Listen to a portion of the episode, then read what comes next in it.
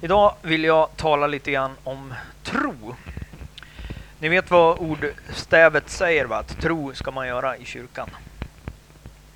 Vi ska läsa ett stycke ur Apostlagärningarna 4 och början där. Det är egentligen två korta fraser som jag vill lyfta ur ett lite längre stycke som vi ska läsa. Apostlagärningarna handlar ju om tiden efter det att Jesus lämnat jorden, direkt efter det, om de första kristna. I det här stycket så har vi Petrus och Johannes, två av lärjungarna som nu är två av ledarna i den första församlingen som växer fram. Och de två möter, eller har just mött en lam man som de har bett för och den här mannen har blivit helad. Och det blir naturligtvis rätt mycket uppståndelse kring det. Och i den uppståndelsen så får man möjlighet att förklara sig och man berättar då om Jesus, om vad som har hänt och vem Jesus är. Och då händer det här som vi nu läser. Medan de talade till folket överraskades de av prästerna, tempelkommendanten och sadukeerna som inte kunde tåla att apostlarna undervisade folket och med hänvisning till Jesus förkunnade uppståndelsen från de döda. De grep dem och höll dem i häkte till nästa dag eftersom det redan var kväll. Men många av dem som hade hört ordet kom till tro och tillsammans var de nu omkring 5000 män. Nästa dag samlades de högsta styresmännen samt de äldste och de skriftlärda i Jerusalem. Översteprästen Hannas var där, liksom Kajafas, Jonatas, Alexandros och alla av översteprästerlig släkt. De lät föra fram apostlarna och frågade dem genom vilken kraft eller i vems namn har ni gjort detta? Då fylldes Petrus av helig ande och svarade dem Ni äldste och folkets ledare, när ni idag ställer oss till svars för en välgärning mot en sjuk och vill höra hur han blivit botad då ska ni veta, ni alla och hela Israels folk, att detta skedde genom Nazaren Jesu Kristi namn. Tack vare honom som ni korsfäste och som Gud har uppväckt från de döda står den här mannen frisk framför er. Jesus är stenen som föraktades av er husbyggare men blev till en hörnsten. Hos ingen annan finns frälsningen och ingenstans bland människor under himlen finns något annat namn som kan rädda oss. När de såg hur frimodiga Petrus och Johannes var och märkte att båda var enkla och olärda män förvånade de sig.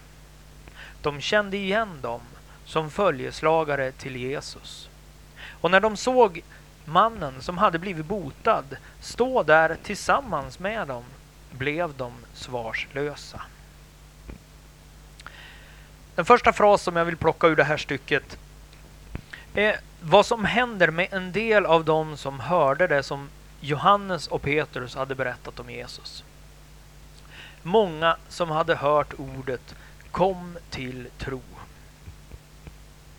Jag har läst lite grann ur Apostlagärningarna på sistone och slagits av den här formuleringen gång på gång. För det är inte enda tillfället det står. I Apostlagärningarna står ordet tro ungefär 35 gånger. Och i ungefär hälften av de tillfällena så är det i en sån här formulering. Någon eller några kommer till tro. Det finns andra fraser också. Vid några tillfällen uppmanas någon eller några att tro. Eh, vid ett par tre tillfällen står det att folk visste inte vad de skulle tro. På några ställen eh, står det att vissa valde att inte tro eller att inte ville tro.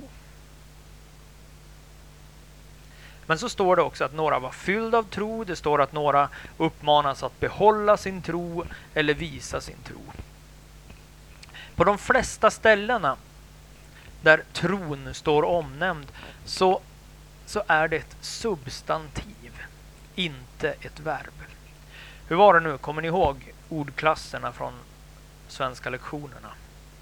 Verb är någonting man gör. Man kan sätta att före. Att stå, att sitta, att predika, att somna. att tro. Substantiv. En sak eller en person. Man sätter en eller ett före. Ett piano, en pastor, en iPad, en sångerska, en lyssnare, en tro. Det är skillnad på om tron är någonting som jag ska göra eller om tron finns där och jag kommer till tro. Jag får ta emot tron. För någonting händer när Johannes och Petrus berättar om Jesus. Och Paulus beskriver det här också i Romarbrevet 10 bland annat. Så det här är inte en engångsföreteelse utan Paulus beskriver det som att det här är någonting som händer när man berättar om Jesus. Det är någonting som den helige ande gör. Romarbrevet 10 och 17. Så bygger tron på förkunnelsen och förkunnelsen på Kristi ord. En annan översättning, lite lättare att förstå tycker jag. Tron kommer alltså av att man hör budskapet, det vill säga budskapet om Kristus.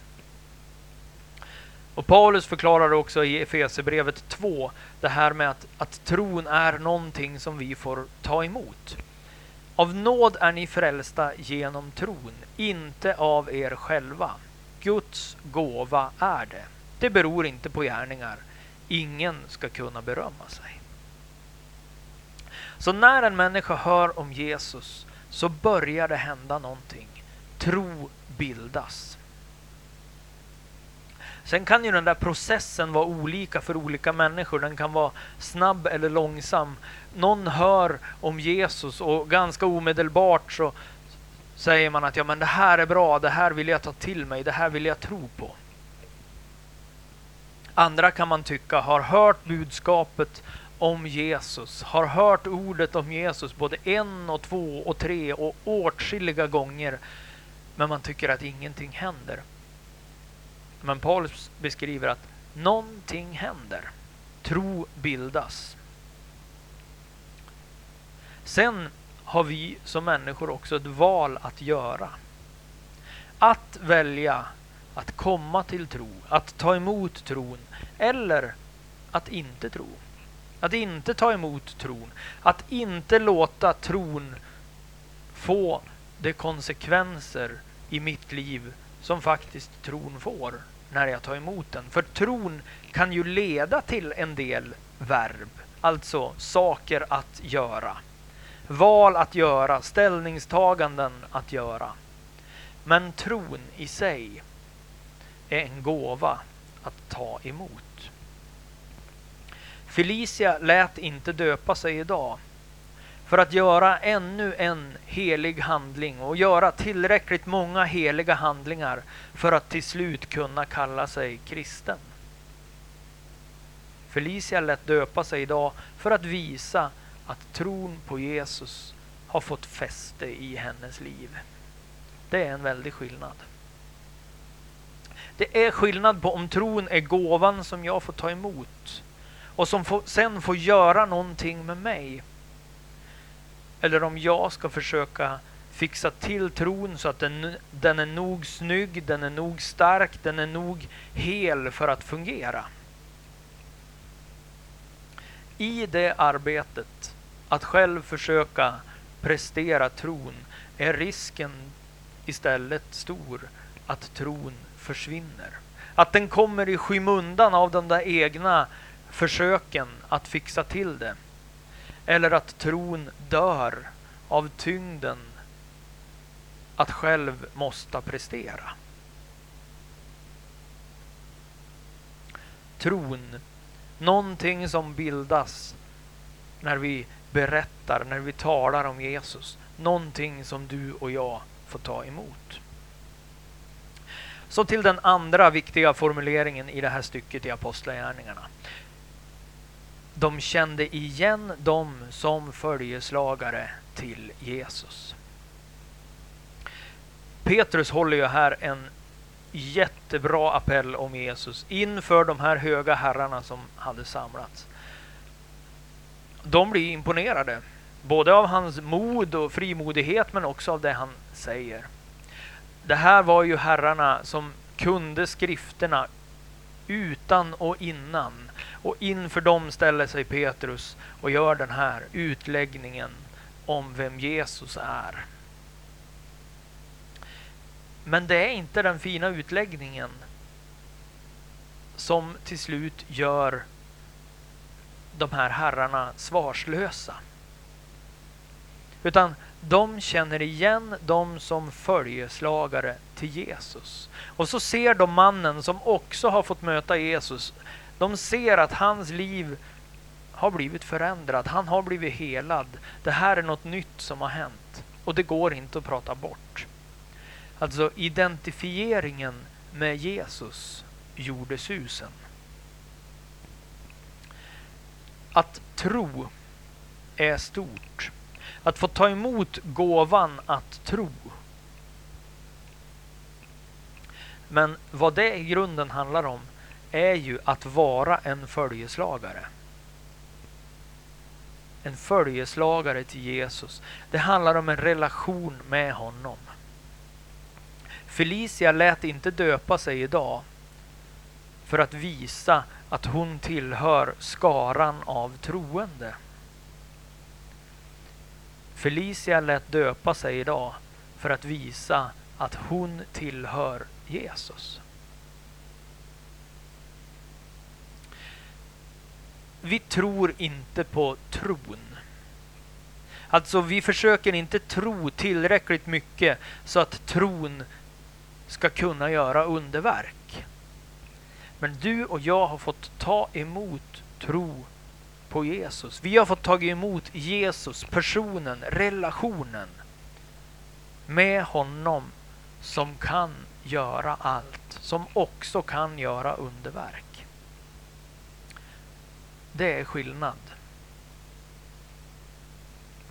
När jag speglar mig själv i det här stycket och i de här formuleringarna som jag har lyft ur så skulle jag önska att människor inte först och främst förknippade mig med att vara troende. Utan jag skulle hoppas, jag skulle önska att, att människor förknippade mig med Jesus.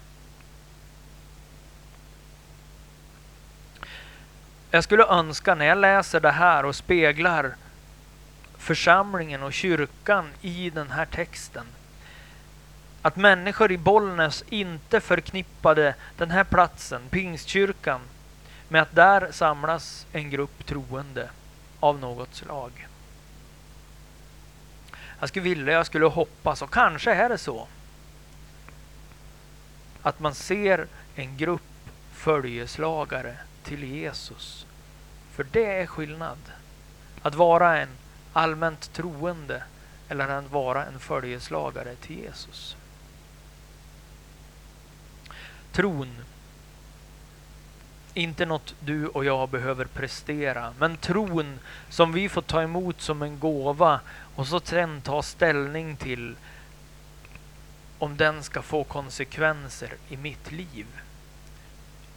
Att leda till olika saker att göra relationen med Jesus. Att få vara det där fantastiskt vackra ordet följeslagare till Jesus.